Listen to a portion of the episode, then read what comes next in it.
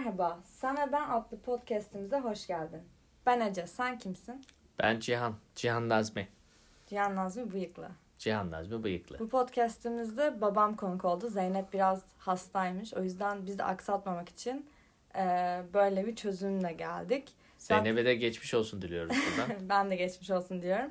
Zaten tatilden döndüğümüz için pazartesi yüklememiz gerekirken biraz aksattık.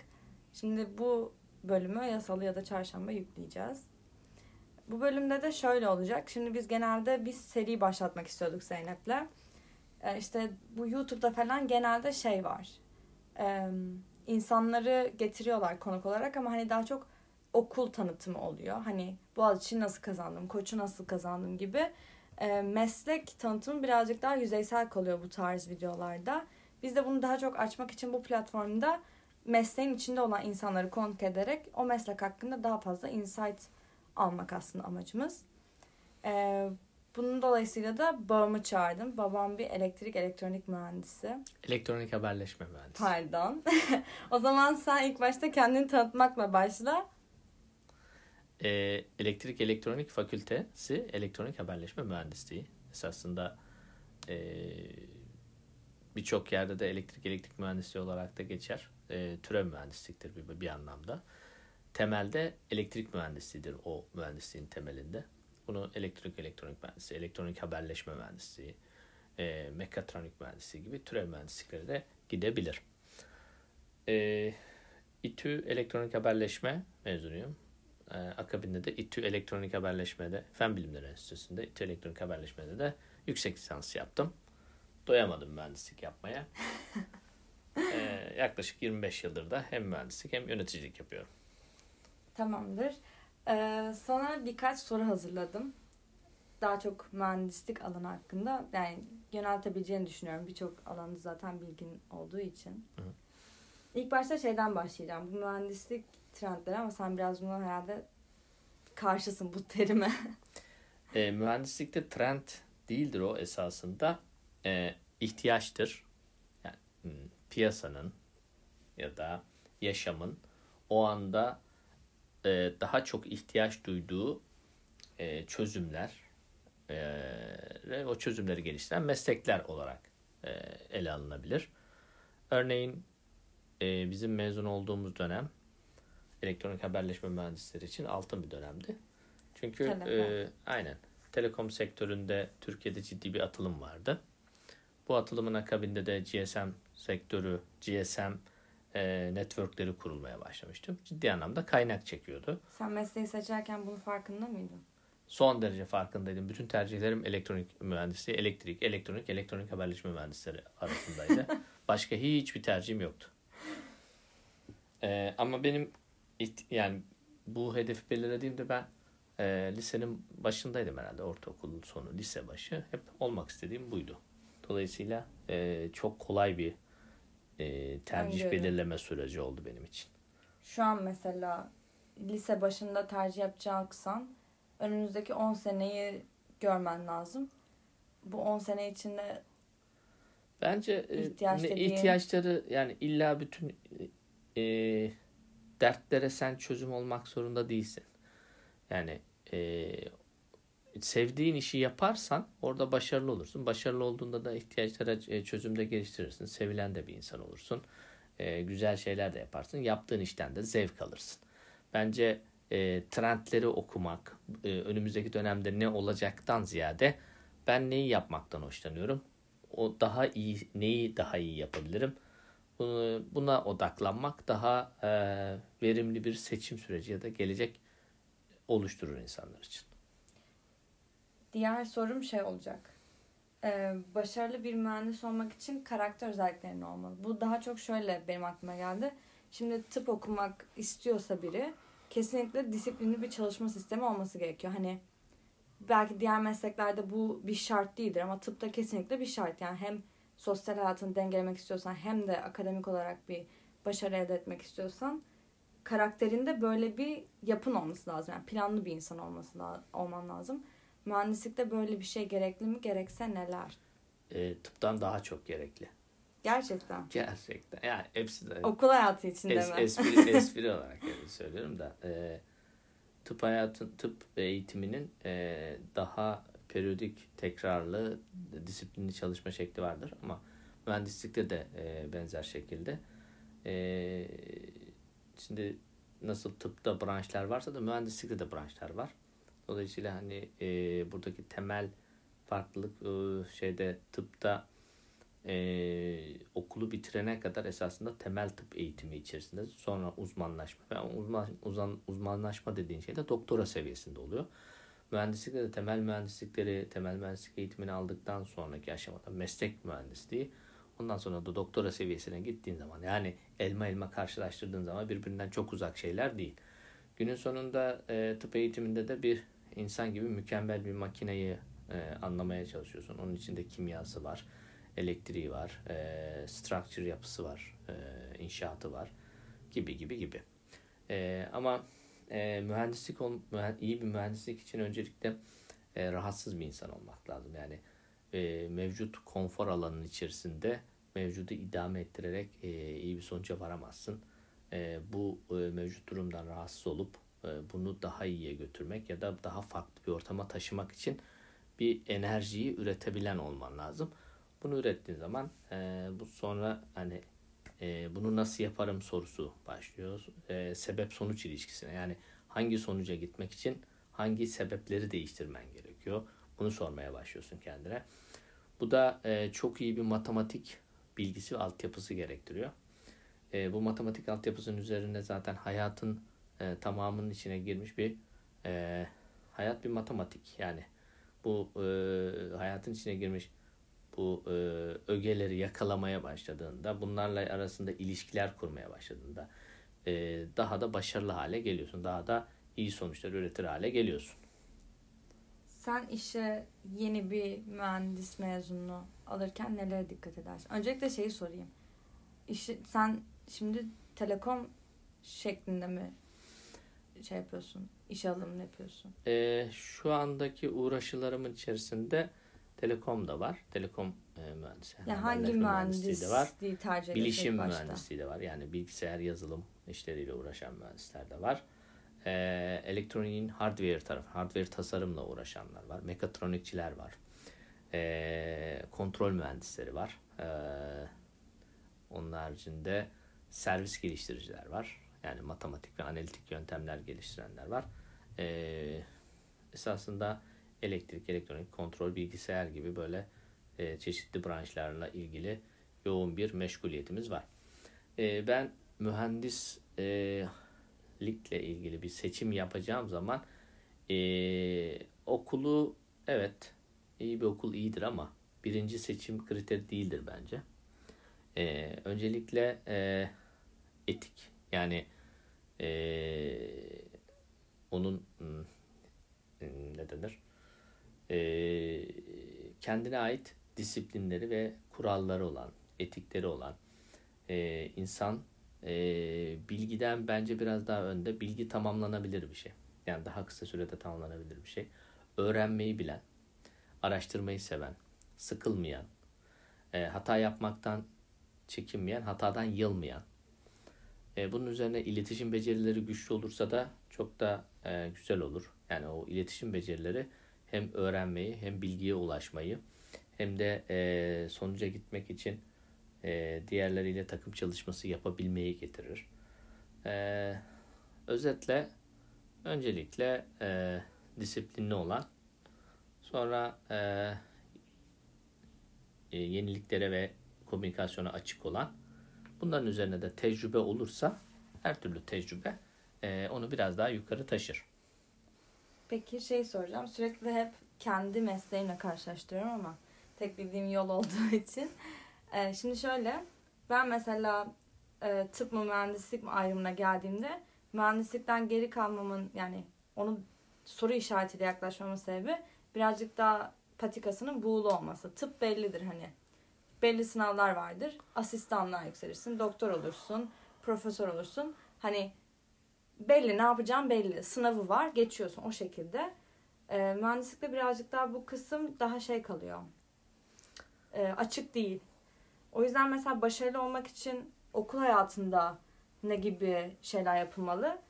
daha sonrasında yani işe atılınca ne gibi şeyler yapıyor mesela. Tıpta 50 alan da doktor oluyor, 100 alan da doktor oluyor. Hani ekstra kattığın şeyler yine kendi şeyine tabii ki de ama mühendislikte nasıl oluyor bu durum? Şimdi e, tıbbı ben şöyle yorumluyorum. Orada e, meşguliyet alanı insan olduğu için e, hataya daha az toleranslı olması oradaki mesleğin icra ediliş şeklini belirli paternler haline getirmiş. Ve bu e, güncel e, zaman zaman güncelleniyor. Yenilikler geliyor elbette ama e, bu paternin dışına da çok fazla ne öğrencinin ne e, öğretenin çıkmasına da çok fazla izin verilmiyor. O işte oturmuş kurallar var. Bu kurallar belli e, tecrübeler sonucu oluşturulmuş ve bunu yaşatmaya çalışıyor insanlar. Mühendislikte e, şimdi bir temel mühendislikler var, türev mühendislikler var. Bir de kendi oluşturabileceğiniz türevler var. E, hatta mühendislik temeli üzerine başka meslekleri de çok kolay yapabilir hale evet. geliyorsunuz. E, bunun avantajları, e, bence avantajları var. Ama paternini kendiniz belirlemek zorunda olduğu için yeni bir e, bilinmezlik, yeni bir yük ama aynı zamanda yeni bir fırsat getiriyor bu. E, şimdi bu yükü karşılamaya hazır olan e, kafasında belli e, fırsatları çizmiş olanlar için bu e, ne denir? E, heyecan verici olabilir. Ya da daha e, fırsat e, şeklinde görülebilir. Ama risk içeriyor mu? Tabii ki içeriyor. Yani sizin kafanızdaki e, bu yeni açılımların, yeni vektörlerin, yeni e, bileşkelerin karşılığı diğerleri tarafından ya da piyasa tarafından e, karşılık yani tam anlamıyla sizin beklediğiniz gibi karşılık bulmayabilir. Başlangıçta emeğinizi karşılığını alamıyor olabilirsiniz. Ama demin mühendis seçerken de dikkat edilmesi gereken kral e, ilkelerden biri dediğimiz şey yani yılmadan çalışabilmeli. Yeniden kalkıp yeniden deneyebilmeli.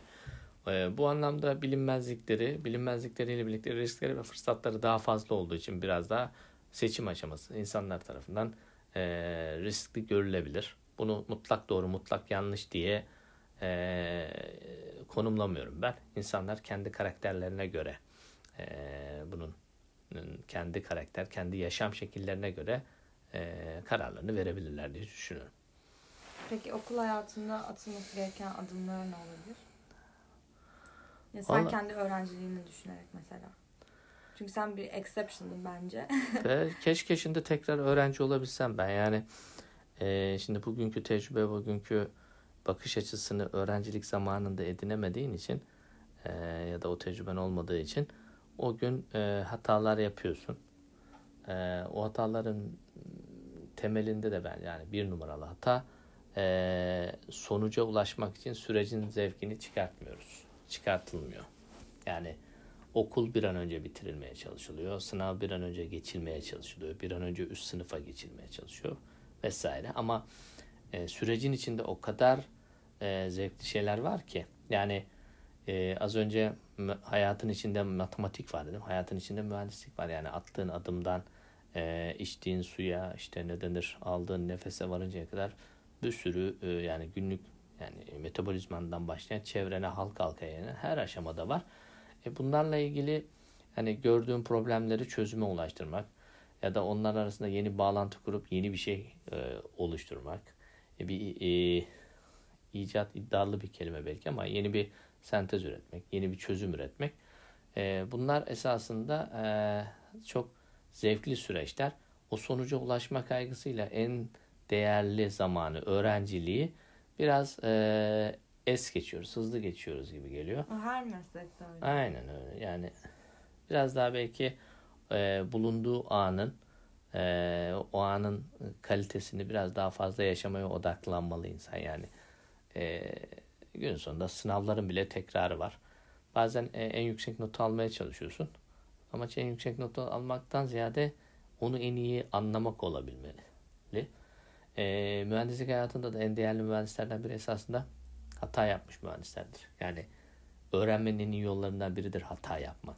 O hatanın hata, ne zaman ki hatadan derslerini alabiliyorsan, o hatanın e, getirdiği e, negatif etkileri görüyorsan onu bir daha yapmazsın. Yani e, gemi batırmış bir kaptan e, gemi batırmamış kaptandan daha değerli olabilir. Çünkü nasıl batırdığını, nasıl başına o felaketin geldiğini biliyor. O, o anlamda da hani zayıf alırsın, kalırsın. Bu o, kişiyi kötü yapmaz. Ama bugünkü değer yargılarında şey var hani not yüksek olmalı. İşte e, bir an önce sonuca gidilmeli. İşte ne denir? Dörtle mezun olan, üç buçukla mezun olandan daha iyidir. Olabilir. Bir şeyin elbette ki göstergesi yani bir e, eşit şartlarda sunulmuş bir yarışın e, ne denir? İyi, daha iyi yapanıdır. Ama e, bu diğerini kötü yapmayabilir. Ya ama bir adım öne de çıkarır bence. İkisi de atıyorum staj yapmıştır. Biri üç buçuk almıştır sınavlarından. Biri dört almıştır. E, hem staj yapıp hem de dört alınabiliyorsa diğeri neden bunu ya yapmadı? Şeyde, e, hani e, günün e, bunu öğrencilikle şeye ayırıyorum. Hani bir makine yapıyorsan e, ya da bir diyelim ki bilgisayar yapıyorsun. Senin yaptığın bilgisayar hiç crash olmuyor. Benimki crash oluyor. Sen e, o zaman e, ürünlerden konuşuyorsak seninki elbette ki daha başarılı. Yani amacı e, kusursuz gerçekleştiren seninki. Ama öğrencilik zamanında hani o bilgisayarı yapacak e, metodolojiyi öğrenirken neyi yapmayı da aynı zamanda neyi yapmamayı öğreniyorsun. Ya da gittiğin yolda nelere e, dikkat edeceğini. Dolayısıyla o sürecin içerisindeki hatalar e, kötü tanımına gelmez. Bu bir öğrenmenin içinde olan bir şeydir. Ama e, iş projeye, ürüne, e, çözüme, çözümün zamanla olan ilişkisine geldiği zaman elbette ki daha önce yapan, daha hızlı yapan, daha ucuz yapan, daha çabuk yapan her zaman için bir adım öndedir. Anladım. Son sorumuz. Hazır mısın? Bitiyor mu ya? Ne güzel konuşuyorduk. Konuşmaya devam edebiliriz sonrasında. Ha, tamam. meslekte yaşlandıkça yönelim seçenekleri ne olabilir? Oo. Şeklinde bir soru. Şimdi bunun e, Türkiye ve dünyada farklı e, karşılıkları var. E, şimdi e, yani nüfusla, eğitim sistemiyle, arkadan gelenlerle, yeni nesille falan da çok ilişkisi var elbette ki ama e, bu diğer yaptığın işlerle de çok orantılıdır. Örneğin e, iyi bir doktor ararken işte doçent olsun, profesör olsun gibi e, ya da işte şu kadar ameliyat yapsın, bu bu, bu kadar tecrübeleri e, biriktirmiş, geçirmiş olsun ki kendimi ona emanet edeyim gibi bir yaklaşım var insan. Mühendislikte de aynıdır aslında baktığın zaman. E, dolayısıyla aynı süreçleri geçmiş. Yani profesörlük, do, e, doçentlik, doktora ya da şeyler bunlar akademik aşamalardır. Mühendislikte de olan aşamalardır. Ama e, konu mühendislik olduğu zaman e, daha e, yaygın, daha çok e, örneği olan meslek olmasından kaynaklanan o çokluğun getirdiği bir yönetme sistemi de işin içine giriyor. Yönetme sisteminin için içine girince de yöneticilik diye bir kavram çıkıyor. Şimdi e, mesleğin yöneticiliği var. Atıyorum bir e, diyelim ki 10 kişilik bir ekip. Şimdi 10 kişilik ekibin birbirlere senkron olması, oradaki insani ihtiyaçların karşılanması, idare edilmesi bir yönetsel sorumluluk getiriyor. Şimdi burada e, hala mühendisliğinin %80'ini kullanıyor belki %20'sini e, diğer e, yönetsel rollere ayırıyor. Sonra bu ekiplerin bir araya gelmesiyle bir üst seviye yöneticilik, sonra daha üst seviye sonra da en üst seviye yöneticilik diyerek e, yani CEO'luğa kadar çıkıyor. Her yönetici katmanında temel mühendislikteki uzmanlıkla ilgili bazı ağırlıkları bırakıyorsunuz. Bazı detaylar diğer ekipler ya da sizin alt kadrolarınız tarafından yapılmaya başlıyor. Bu sefer de yeni bir yönet, e, meslek alanı yani yönetme işine giriyorsunuz. Artık yeni bir dinamik var. Bu yeni dinamik içinde işte e, ekiplerin verimliliği, aralarındaki iletişim, onların e, problemlerinin çözülmesi, lojistiklerinin sağlanması gibi başka e, yönetimler giriyor. İşte onları e, problem olarak alıp da çözüm geliştirmeye odaklanan işletme mühendisliği, endüstri mühendisliği gibi başka dallar çıkıyor. Ama temelde sizi oraya e, o piramidin başında örneğin ki e, elektronik mühendisiniz, e, hardware tasarım yapıyorsunuz. Günün sonunda X amacını yerine getirecek bir devrenin tasarımı var. Öbür tarafta Y amacını, Z amacını ve sonra devreler bir araya geliyor. İşte yarı e, nedeniyle daha karmaşık bir devre haline geliyor. o bir robotik e, mekanik sistemle bir araya geliyor. Robot oluşuyor. İşte programın başında birisi var. O yönetici.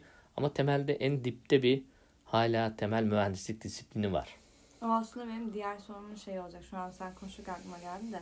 Her böyle hem çevremdeki arkadaşlarım hem de benim eski yani mesleği seçerken ki aklımda olan şey şuydu. İşte mühendislik okurum, bir temelim olur.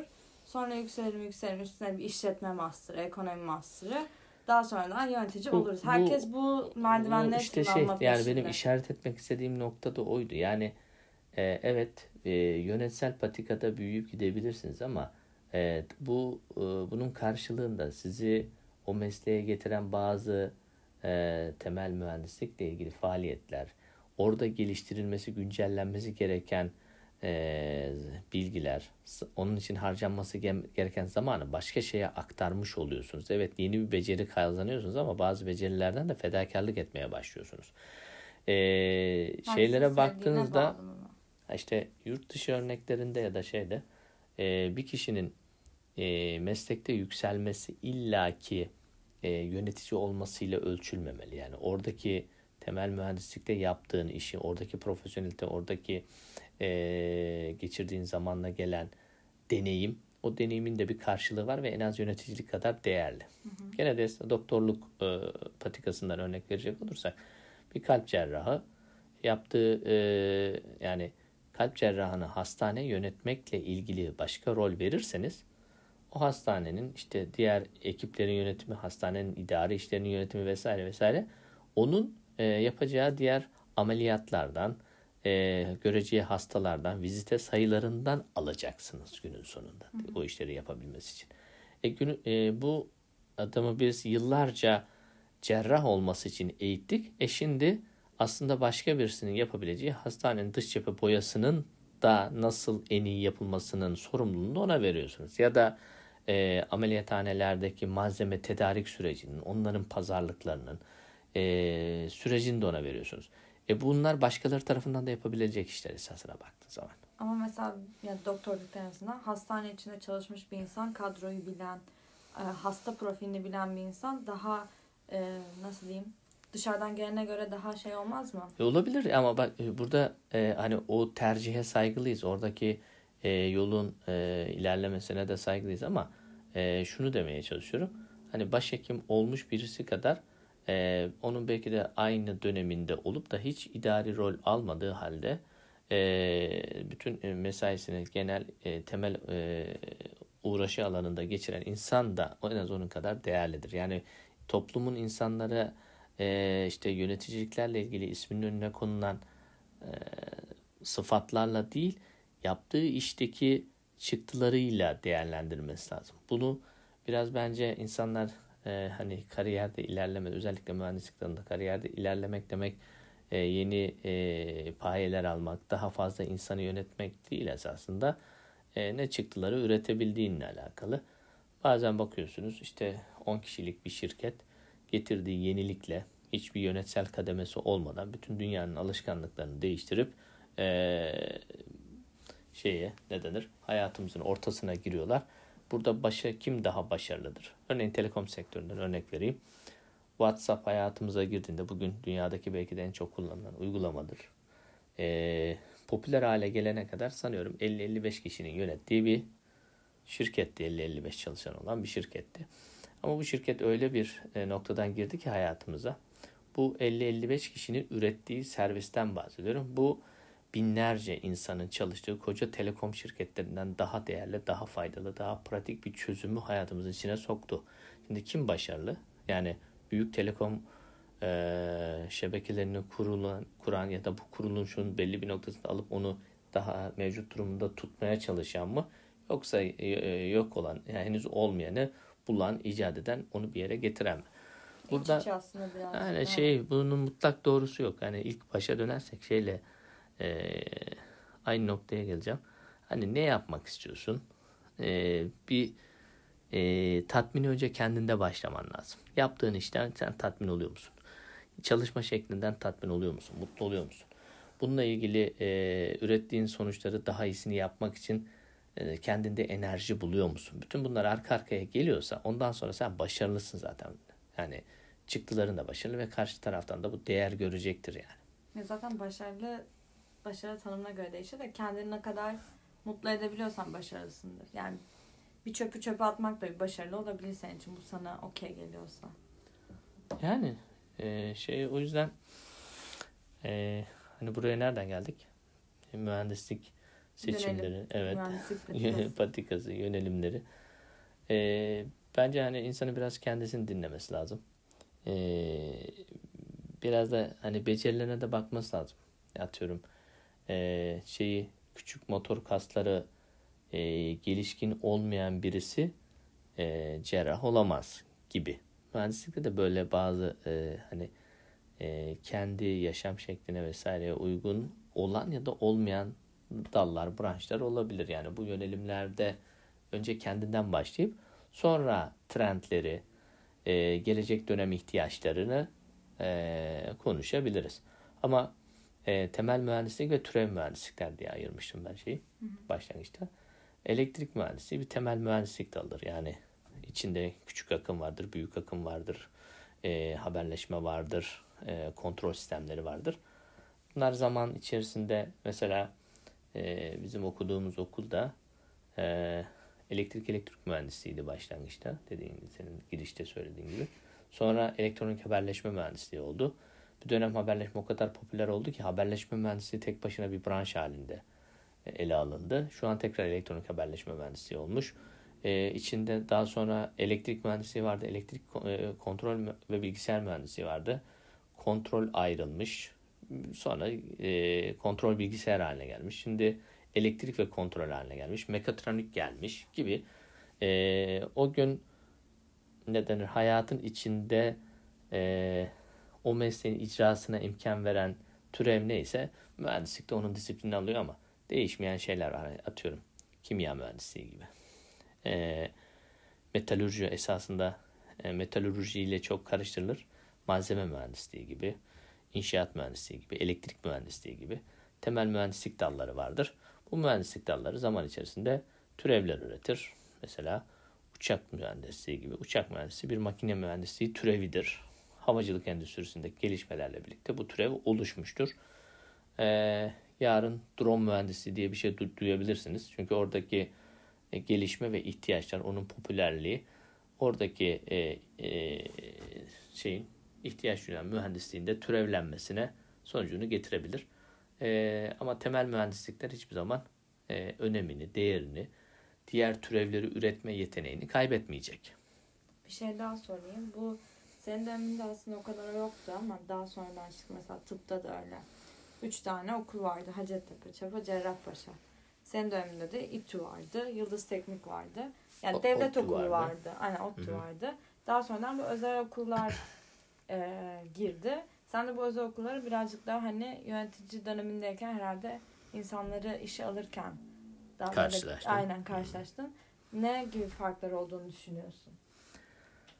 E, mühendislikte de e, diğer eğitimlerde de ekoller vardır esasında. Yani bizim zamanımızda İTÜ'yü değerli kılan şeylerden bir tanesi, İTÜ üzerinden örnekleyerek gidelim. E, kadrosu, kütüphanesi, o geniş kadrosunun birbirleri arasındaki iletişimi ve e, öğrencilerin sayısı, oraya gelen öğrencilerin kalitesi, kadronun kalitesiyle birleştiği zaman ortaya çıkan e, komünikasyon, o komünikasyonun e, tür- e, ürettiği yeni e, ihtiyaçlar, yeni e, çıkarımlar buydu değerli olan. Şimdi e, özel üniversitelerden ziyade orada internet dönemi bazı şeyleri değiştirdi. Yani artık e, bilgi kütüphanelerde sadece belli hocalarda, belli ortamlarda e, sıkışıp e, ancak fiziksel orta- olarak alınmayı bekleyen e, bir e, meta olmaktan çıkıp e, daha kolay erişilebilir oldu. Temel değişen şey bence bu. Ama e, ekoller hiçbir zaman kaybolmadı. Yani o e, yüzyıllarca biriken e, esasında e, oradaki soluduğunuz havanın içinde bile olan yaşamın içine girmiş. O disiplin, o e, çeşitlilik, o e, geçmişten geleceğe taşınan e, aktarım o orada duruyor yani. Onu e, bir anda sadece hocaları transfer ederek yeni binalar yaparak çok kolay değil onu transfer etmek. Ee, yenilere haksızlık etmeyelim. Ee, onlar da yani yeni bir soluk getiriyorlar. Yeni şeyler illaki yapıyorlar ama e, ben e, burada değişimin e, internete bağlı olduğunu görüyorum esasında yeni yaklaşımlar. Yani Özel ya da devlet diye ayrımından değil. Fiziksel olanı arttırıyor gibi. Laboratuvar ortamları olsun. E, erişimi kolaylaştırıyor hem fiziksel olarak hem de şey. Ama e, burada da gene hele hele şimdi yeni dönemde bu internetle birlikte e, daha önce e, bilgi o ve o bilginin erişimi bilgiyle bil- bağlı olan gelişim e, mekana bağlıydı. E, şey bu mekanı yıktı internet.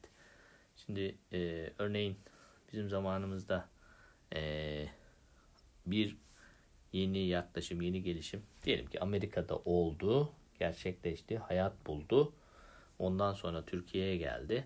Hatta Türkiye'ye gelmesi için e, insanlar e, buradan oraya gittiler. Onu orada tecrübe ettiler, getirdiler. Geldiğimiz noktada bu e, birinin sosyal medyaya koyması kadar e, kısa süreli bir iş haline gelebiliyor. Yani mekanların önemi biraz e, kalktı. Bugün YouTube'dan Harvard'ın derslerini izleyebiliyorsunuz yani. Doğru. Dolayısıyla hani sizin içinizde bir istek varsa, bunu sağlayan bir disiplininiz varsa mekanlar özel devletten ziyade kişi biraz daha öne çıktı. Kişinin isteği, kişinin planlılığı, eee, o onun motivasyonu öne çıktı. Daha önce bu motivasyon yetmiyordu. Buna mekanla, okulla destek vermek gerekiyordu. Birinin birini öne çıkaran bir şey yok diyorsun aslında. Çok. E, Elbette ki şimdi e, benzer e, ne denir?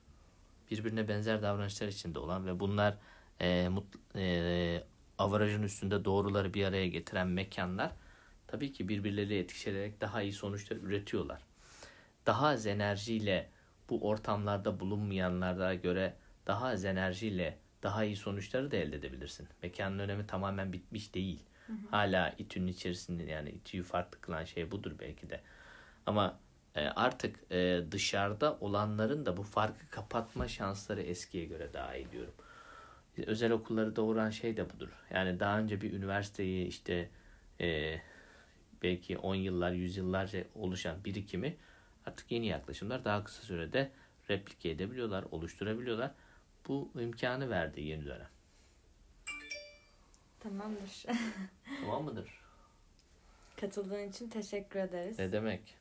Sana ulaşmalar için LinkedIn'de Cihan Nazmi Bıyıklı Cihan. Nazmi Bıyıklı e, LinkedIn'de connect'im. E, oradan ulaşabilirler. Her türlü sorularına e, destek olmaya çalışırım. E, sosyal medyanın bütün mecralarında Cihan Nazmi Bıyıklı. Ben de sadece Instagram'da varım. Ece BYKLİ şeklinde bulabilirsiniz. O zaman bir sonraki podcast'ta bu sefer Zeynep'le beraber görüşmek üzere. Görüşürüz.